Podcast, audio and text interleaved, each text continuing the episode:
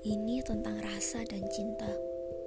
Pengalamanmu tentang mencintai dan dicintai, juga menyayangi dan disayangi. Rasa dan cinta tak melulu soal pasangan, tetapi juga keluarga, teman, dan sahabat. Di sini akan ditemukan berbagai rasa dan cinta yang diceritakan dengan hati, bersama dengan banyak orang-orang tulus di luar sana. Terima kasih.